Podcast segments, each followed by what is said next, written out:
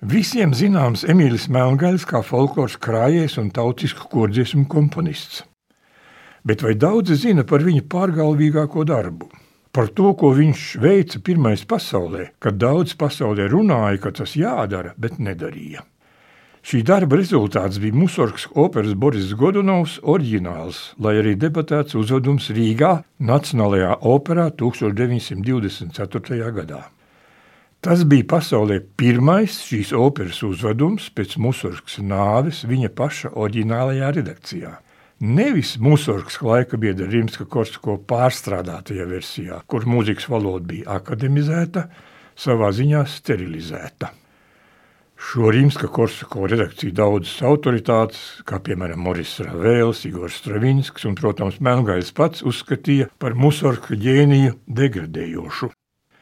Melngaļs to bija personiski pārmetis savam skolotājam Pēterpils konservatorijā Rimskim Korsakom jau studenta gados. Vēlāk to pašu darīja arī Anglijas, Francijas, Vācijas prese. Taču Musorgas operas oriģinālā orķestra partitūra skaitījās gājusi bojā. Bez tam pie operas Rimska Korsako versijas bija jau pierasts, un turklāt ar šāļāpinu galvenajā lomā tā daudziem melomāniem patika.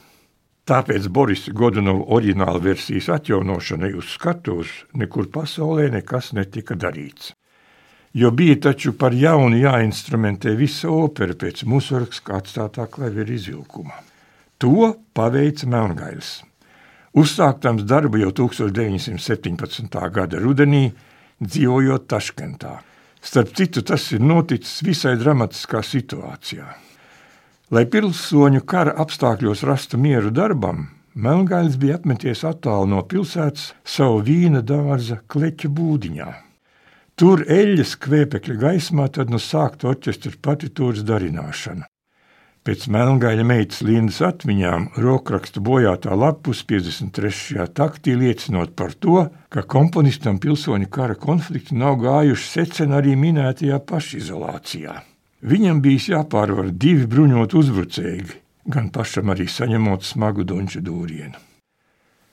Pēc atgriešanās neatkarīgajā Latvijā Melngājs noslēdz līgumu ar Nacionālo operu par Borisa Godno instrumentēšanu un uzvedumu. Laiks darbam bija noteikts īss, un, kā raksta Melngājs, viņš naktīs atļāvies aizmigt tikai divas, trīs stundas. Tomēr darbs tika laikā pabeigts, un 1924. gada 3. maijā Pasaulē pirmais Musarks Boris Godunova oriģināla versijas uzvedums notika, lai arī daļa mūzikas apskatnieku uzskatīja Melgaļa veikumu par pārgalvību. Rīmska Korsko versijas aizstāvis režisors Piotrs Meļņikovs. Diemžēl joprojām bija Melngaļa atjaunoto Musarska oriģinālo versiju pabojājis. Taču Melngaļa darbu argumentēti aizstāvēja toreizējā kritikas autoritāte komponists Jānis Zālītis un ne viņš vienīgais. Pēc tam Mussorgskas operu ir pārinstrumentējuši arī vairāk citi komponisti. Viņu vidū Dmitrijs Šostakovičs, bet Rīmska Korsako redakcija nemainītā veidā vairs nekur pasaulē neiestudē. Melngaļa veikums, starp citu, pieminēts arī pēdējā Boris Godino Parīzes uzveduma programmas grāmatiņām. Esmu ievērojis, ka arī Latvijā pret Melngaļa pārgalvīgo darbu Arvien mazāk mūzikas vēsturnieki izturas tā, it kā labais tonis prasītu par to saprotoši klusēt. Lai nu kā būtu, tagad par Melngaili daudzi zinās vairāk.